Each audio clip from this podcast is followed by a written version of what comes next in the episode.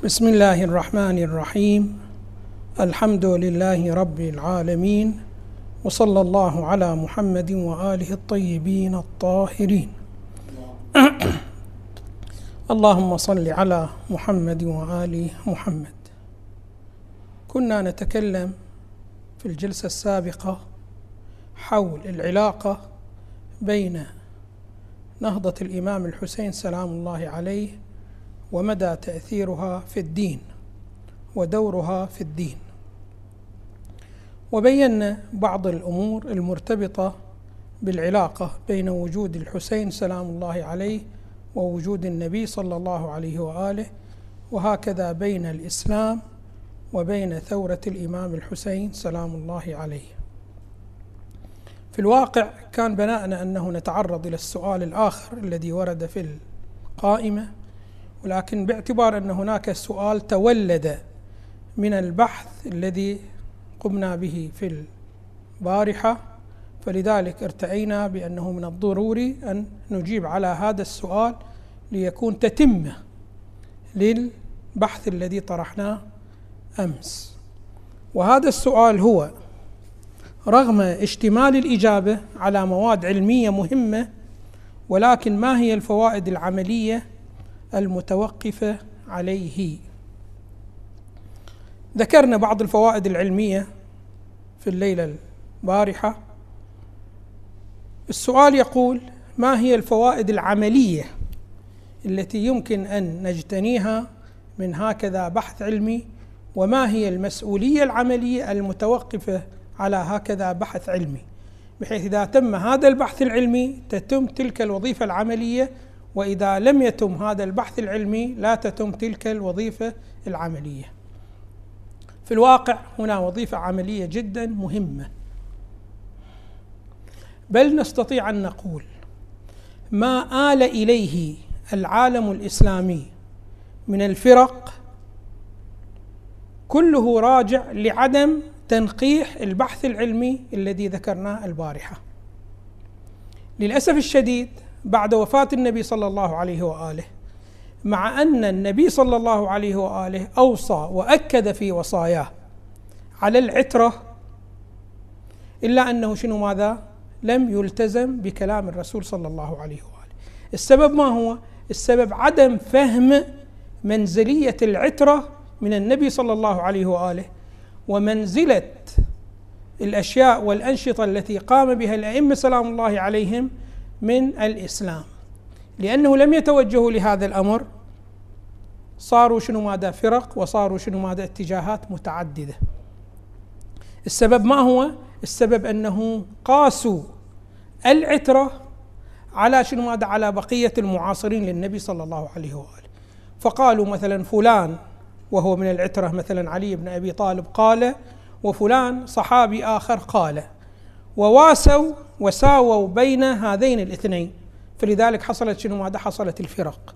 فإذا الفرق كلها ناشئة من ماذا؟ من عدم معرفة منزلة العترة ممن من النبي صلى الله عليه وآله. ومنزلة العترة شنو؟ ماذا؟ من الإسلام. وإلا هم لو عرفوا وعاشوا هذه الملاحظة بأن الأئمة سلام الله عليهم هم امتداد إلى النبوة. مباشرة راح يلاحظون بأنه عدم اتباع العترة راح يكون تقصير في الواقع في اتباع من؟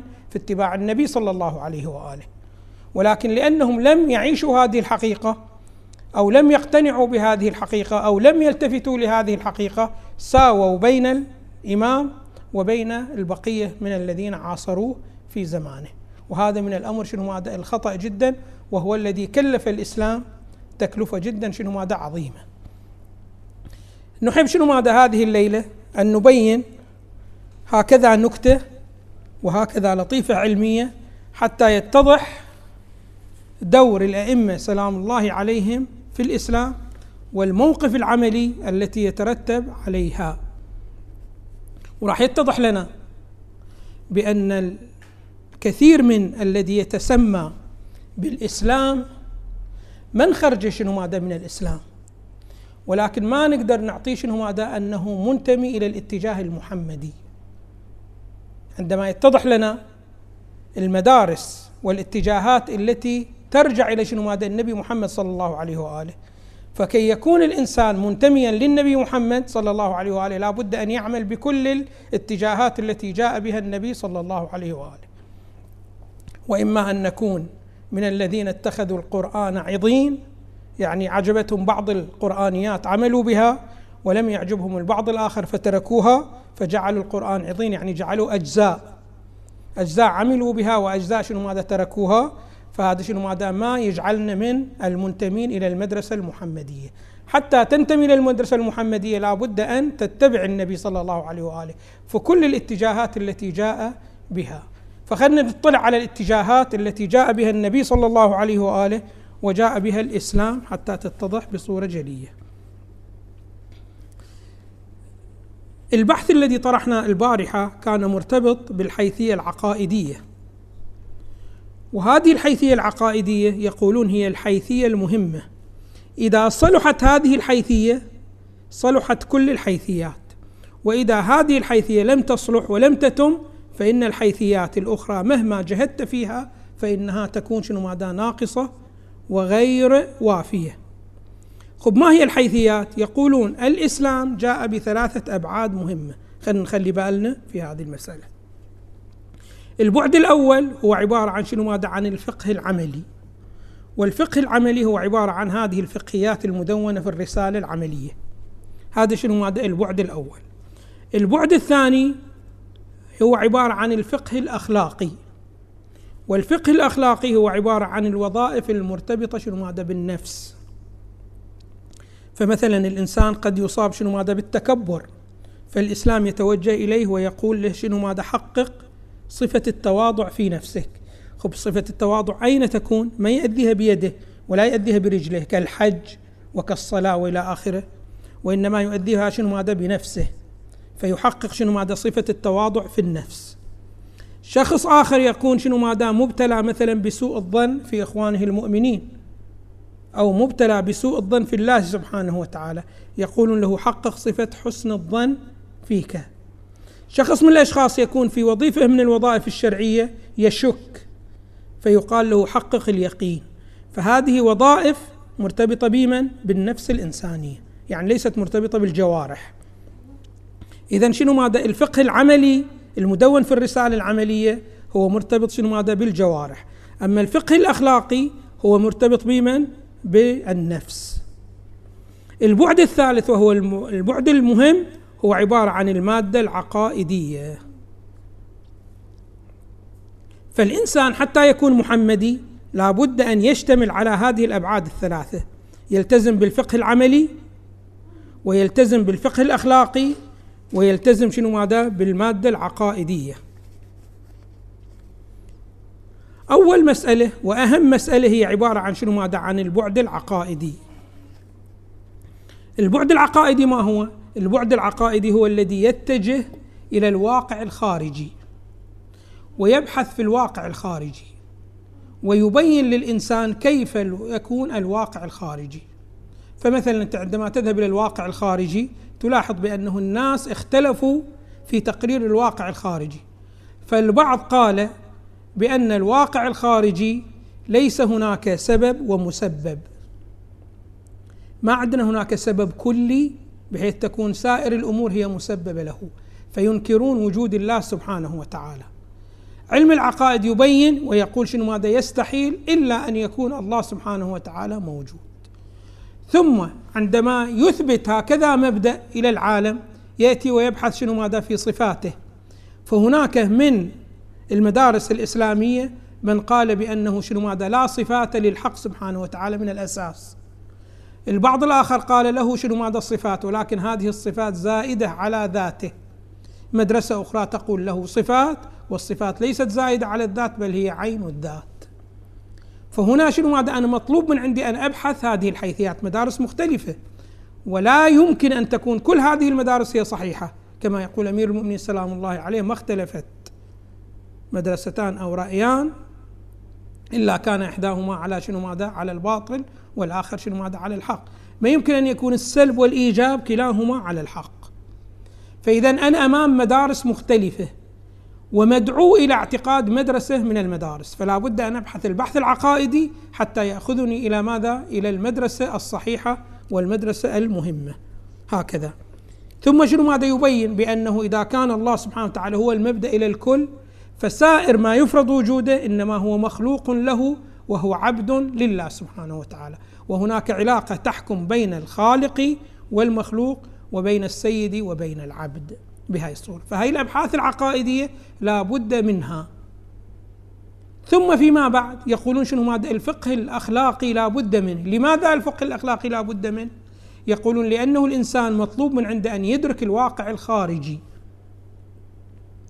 خب إدراك الواقع الخارجي كما هو هذا ليس ببسيط.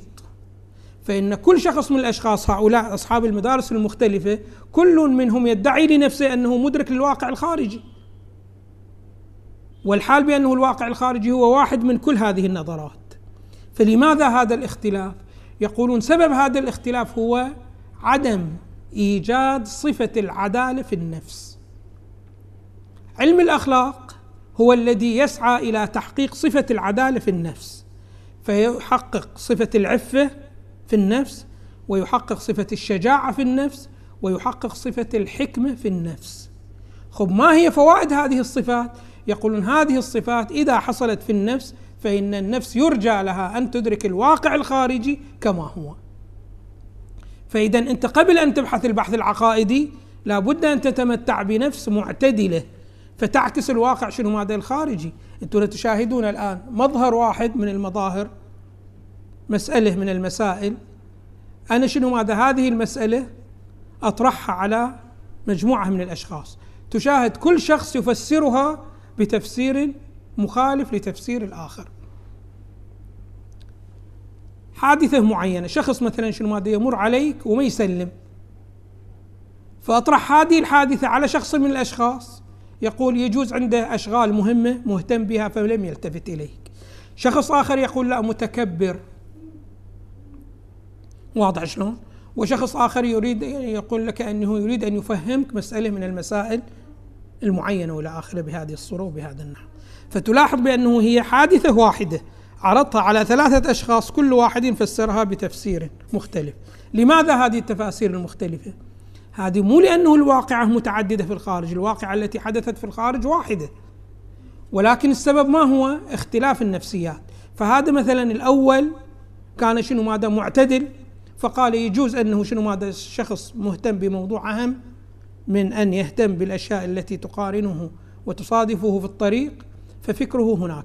الشخص الآخر لا عنده نحو من العلاقة السيئة مع هذا الشخص فمباشرة اتهم شنو ماذا؟ بالتكبر. وهكذا بهذه الصورة.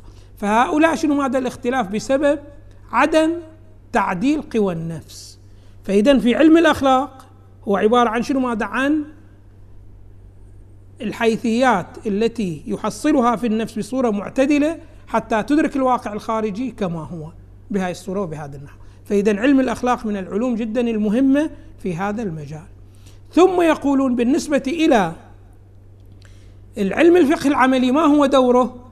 يقولون دور الفقه العملي هو عبارة عن الحيثية التي تؤكد المعتقد. فإنه شنو ماذا؟ هذا المعتقد إذا أدرك كما هو بسبب الصفات النفسانية الحميدة أدرك الواقع كما هو. هذا شنو ماذا يترشح عنه؟ حيثية من الحيثيات. هذه الحيثية يعطيني بها شنو ماذا؟ الفقه العملي. فخلنا نحن نتناول مثل مثلا مسألة الركوع. الركوع إحنا مطلوب شنو ماذا؟ عندنا في الصلاة. خب الركوع يحكي أي حيثية من الحيثيات؟ يقولون بأنه الركوع هو عبارة عن أولا شنو ماذا؟ تدرك أنت الواقع الخارجي. وتدرك في الواقع الخارجي أنه كل شيء موجود. في الخارج فهو خاضع لله سبحانه وتعالى. وهذا الخضوع يعبر عنه بالخضوع التكويني. فأنت الآن تشاهد شنو ماذا؟ الكل في الواقع الخارجي يحترم الإرادة الإلهية. يعني شلون يحترم الإرادة الإلهية؟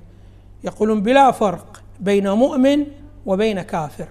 فأنت الآن عندما تلتفت إلى الخارج تلاحظ المؤمن والمؤمن يريد شنو ماذا؟ أن يصنع طائرة. عليه أن يحترم قانون الجاذبية أم لا؟ لابد أن يحترم قانون الجاذبية. وإلا إذا ما احترم قوانين الجاذبية ولا قوانين الكتلة الطائرة ما راح تطير. يجي الطائرة مثلا يصنعها شنو ماذا من الحديد. معدن جدا شنو ماذا ثقيل. لازم يراعي هذه المسألة ويصنعها شنو ماذا من الالمنيوم لأنه معدن خفيف جدا بهي الصورة خب من الذي جعل في الكون الخارجي قوانين الجاذبية؟ وقوانين الضغط وقوانين الكتله هو الله سبحانه وتعالى. فحتى شنو ماذا يطير هذه الطائرة؟ لابد أن يحترم القوانين التي وضعها الله سبحانه وتعالى في الكون. وهذا ما يفرق بين المؤمن وبين الكافر. الكافر أيضا إذا أراد أن يصنع طائرة بحيث الطائرة تطير في الجو لابد أن يحترم القوانين الحاكمة في الواقع الخارجي. فالكل في الخارج سواء كان مؤمن أو فاسق أو كافر ما يفرق. كلهم إذا أرادوا أن ينجحون في اختراعاتهم وابتكاراتهم وإبداعاتهم لابد أن يحترمون القوانين الإلهية التكوينية الموجودة في الخارج. هذا شنو؟ ماذا بلا إشكال. فإذا الكل هو خاضع لله سبحانه وتعالى تكوينا. ولكنه في مسألة الاستشعار النفسي البعض شنو ماذا ينكر؟ فما يحاول يشعر نفسه بالخضوع الخارجي فيدعي لنفسه الاستقلال بهذه الصورة بهذا النحو. خب الإنسان عندما يكلف بالركوع لماذا كلف بالركوع؟ كلف بالركوع لهذا الأمر. فالإنسان عندما يركع عليه شنو؟ ماذا؟ أن يستحضر ويشعر القلب بالركوع الخارجي الموجود في الداخل. فهذا شنو؟ ماذا؟ إذا أشعر قلبه بهذا الأمر راح يؤكد الحيثية العقائدية التي شنو؟ ماذا؟ آمن بها أول الطريق. فإذا شنو ماذا لابد للإنسان من الاعتناء بالجانب العقائدي لأنه هو الأساس وهو الذي إذا صلح صلح الجانب الأخلاقي وصلح الفقه العملي. وإذا لم يصلح فلا فائدة له لا في الجانب الأخلاقي ولا فائدة شنو ماذا في الفقه العملي. فلذلك أنت تشوف الآن المشرك الذي شكك في أصل التوحيد واضح شلون لا قيمة لكل أعماله. يمكن يأتي بأعمال حسنة يقولون هذه الأعمال الحسنة لا خير فيها. إذا لم شنو ماذا؟ إذا لم يعتني شنو ماذا؟ بحيثية التوحيد. ومن هنا يتضح عبارة الإمام الصادق سلام الله عليه حيث يقول أشد طاعة وأفضل طاعة في طاعات الإنسان هي ماذا؟ هي التوحيد. وأشد معصية يأتي بها الإنسان هي عبارة عن الشرك. فالشرك هو أشد معصية وأفضل طاعة هي شنو ماذا؟ مسألة التوحيد. فالتوحيد هو شنو ماذا؟ هو المقدمة التي إذا قبلت ينظر فيما سواها وإذا لم تقبل فلا ينظر شنو ماذا؟ فيما سواها سواء كانت الحيثيات حيثيات أخلاقية أو حيثيات شنو ماذا؟ من الفقه العملي. خب الآن شنو ماذا؟ الإمام والنبي صلى الله عليه وآله جاءوا بهذه الحيثيات الثلاث. فعندك حيثيات عقائدي لابد أن تعتني بها. عندك حيثيات فقه عملي لابد أن تعتني بها. عندك حيثيات الفقه الأخلاقي لابد أن تعتني بها. وهكذا القرآن بهذه الصورة بهذا النحو. النبي صلى الله عليه وآله أيضا بهذا النحو لأن النبي صلى الله عليه وآله كما يقولون بأنه كان خلقه القرآن. يعني شنو ماذا؟ يعني إذا أردت أن تلاحظ هذا القرآن المتجسد تلاحظ النبي صلى الله عليه وآله. فالقرآن إذا تجسد فهو النبي صلى الله عليه وآله. فكما أن القرآن مشتمل على هذه الحيثيات الثلاث أنت تلاحظ شنو ماذا؟ أقيموا الصلاة هذه إشارة إلى الفقه العملي. اعلم أنه لا إله إلا هو إشارة إلى الفقه العقائدي. واضح شلون؟ وهكذا الذم إلى المستكبرين وإلى آخره إشارة إلى البعد النفسي. فهذه الأبعاد الثلاثة كلها موجودة شنو ماذا؟ في القرآن الكريم. النبي صلى الله عليه وآله أيضا شنو ماذا؟ هذه الحيثية موجودة شنو ماذا فيه؟ وهكذا امتداد النبي صلى الله عليه وآله وهم الأئمة سلام الله عليهم تكلموا في هذه الحيثيات الثلاث. فمن يريد أن يكون إمامي بالمعنى الأخص باصطلاحهم ويكون محمدي بالمعنى الأخص لابد أن يشتمل على هذه الأمور الثلاثة. فتلاحظ شنو ماذا يعتني بالجانب العقائدي الذي جاء به النبي صلى الله عليه وآله وهكذا بالجانب الأخلاقي وهكذا بالجانب الفقهي العملي. أما أنه يأخذ حيثية واحدة ويركز عليها ويترك الحيثيات الأخرى فهذا ليس بمحمدي وليس بإمامي. الآن لماذا هذه الحيثيات؟ نبحثها إلى آخره. يقولون هذه البحث العقائدي هو ما يعبر عنه بالبحث الأيديولوجي للإسلام. يعني شنو البحث الأيديولوجي للإسلام؟ يقولون أنت الآن عندما تصلي يتوجه لك هذا السؤال لم تصلي؟ فأنت تحتاج هنا أن تجيب لم تصلي؟ باعتبار أنه الإنسان يقولون كائن يتمصلح من الأعمال التي يقوم بها. فكل عمل يقوم به الإنسان يصح أن أسأله لماذا تقوم بهذا العمل؟ عندما أسأله لماذا يعني أريد أقول له ما هي الحيثية التي دفعتك للإتيان شنو ماذا بهذه العمل بهذا العمل. هذه يقولون هذا سؤال مرتبط شنو ماذا بالأسس وبالأيديولوجية التي هي عبارة عن أساس العقيدة. فهنا عندما أسأل هذا الشخص لم تصلي؟ بإمكاني شنو ماذا أن أفلسف هذا الأمر. وأقول له بأنه لأنه هو عندما يوجد في الواقع الخارجي هو شنو؟ ماذا مخلوق وليس بخالق. وكثير من الكمالات التي يريد أن يحصل عليها ما يحصل عليها. إذا بحثنا عن السبب لماذا لا يحصل على هكذا كمالات مباشرة يأتينا الجواب بأنه الكمالات تفاض عليه. ولكنه لم يهيئ القابلية في نفسه لأن يستفيد من هذه الكمالات. يقول علماء العقائد بأنه الفيض الإلهي ليس ممنوع عن أحد من الناس. الفيض الإلهي يأتي كما تأتي أشعة الشمس. فأشعة الشمس عندما تشرق على منطقة من المناطق كل شيء سواء كان صغير أو كبير في هذه المحوطة وفي هذه المنطقة فهو قابل لأن يستفيد من نور الشمس. إلا أن يكون في منطقة حجاب يحجب شنو هذا نور الشمس من أن يصل. فالتقصير يكون من الشمس أو من هذا الحجاب التقصير من هذا الحجاب. كذلك شنو ماذا؟ النفس الإنسانية. النفس الإنسانية يمكن أن تستفيد من كل الفيوضات الإلهية. فإذا لم تستفد من فيض من الفيوضات الإلهية السبب ما هو؟ السبب أن المانع منها هي أوجدت المانع في نفسها. فإذا أرادت أن تتخلص من هذا الأمر تزيل شنو ماذا؟ تزيل هذا المانع. واضح شلون؟ فهذا بالنسبة شنو ماذا؟ للأيديولوجية تبين شنو ماذا؟ هذا الأمر. فإذا شنو ماذا الأيديولوجية هي عبارة عن الحيثية التي تبين لك شنو ماذا؟ هكذا السبب. ما هو؟ خب البحث العقائدي هو الذي شنو ماذا يبين لنا شنو ماذا هذا السبب. الآن البحث العقائدي بينه القرآن وبينه النبي صلى الله عليه وآله. المشكلة أنه فيما بعد الناس في تعاملها مع النبي صلى الله عليه وآله كما تعاملت مع القرآن. عجبتها بعض الأمور وأخذتها وبعض الأمور شنو ماذا لم تعجبها. وهكذا عندما تعاملت مع الأئمة سلام الله عليهم أيضا شنو ماذا؟ بهذه الصورة. فهذا سبب شنو ماذا؟ سبب سبب الانحراف. والأمر كله راجع إلى شنو ماذا؟ راجع إلى مسألة مهمة جدا وهي لم يعرفوا العلاقة الأساسية بين النبي صلى الله عليه وآله وبين القرآن. والعلاقة الأساسية بين القرآن وبين الإنسان شوفوا الإنسان القرآن إذا إحنا نسبنا إلى الإنسان القرآن هو عبارة عن ماذا يعبر عنه في لغتنا اليوم؟ هو بكاتالوج الإنسان. يعني شنو كاتالوج الإنسان؟ يعني إذا أردت الإنسان يسعى ويصل إلى الكمالات التي يمكن أن يحصل عليها ويعيش حياة حياة طيبة جدا عليه أن شنو ماذا؟ يستعلم هذه الحيثيات من من؟ من القرآن الكريم. إذا استعلم الحيثيات من القرآن الكريم استطاع أن ينجح شنو ماذا في حياته.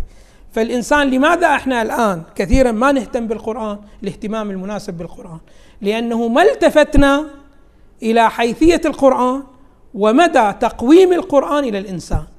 لو التفتنا إلى هذا الأمر وعايشنا هذه الحقيقة دائما ما كنا شنو ماذا؟ ما كنا نغفل عن هذا الأمر. وراح نتعامل مع القرآن على نحو الدوام بالتعامل شنو ماذا؟ الدقيق جدا. كذلك لو عرفنا شنو معنى النبي صلى الله عليه وآله